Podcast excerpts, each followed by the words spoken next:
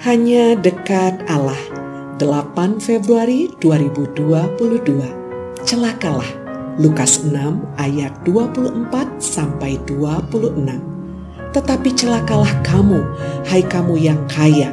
Karena dalam kekayaanmu kamu telah memperoleh penghiburanmu. Celakalah kamu yang sekarang ini kenyang karena kamu akan lapar. Celakalah kamu yang sekarang ini tertawa karena kamu akan berduka cita dan menangis. Celakalah kamu jika semua orang memuji kamu, karena demikian juga nenek moyang mereka telah memperlakukan nabi-nabi palsu. Bagian ini sekilas membingungkan. Ya, apakah Lukas melarang para murid Yesus untuk menjadi kaya, kenyang, dan tertawa? Sepertinya Lukas hendak menyatakan bahwa kemujuran orang miskin bukanlah karena kemiskinannya, dan kesengsaraan orang kaya bukanlah karena kekayaannya. Bukan itu maksud Lukas. Mujurnya orang miskin tidak berasal dari kemiskinan mereka, tetapi karena kerajaan Allah yang menjadi milik mereka.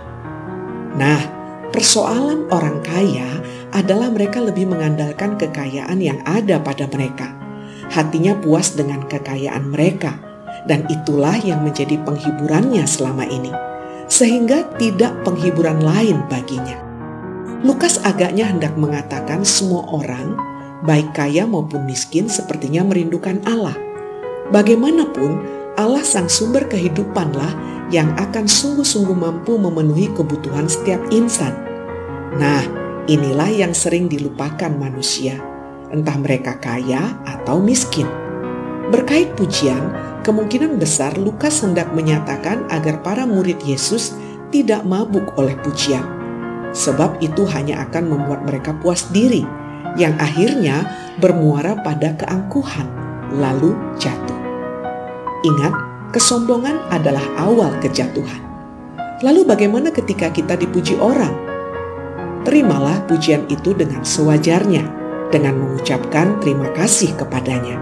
Lagi pula, jika kita cermati hidup kita secara seksama, maka yang paling layak menerima pujian hanyalah Allah sendiri.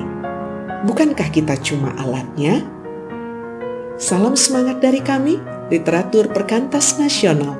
Sahabat Anda bertumbuh.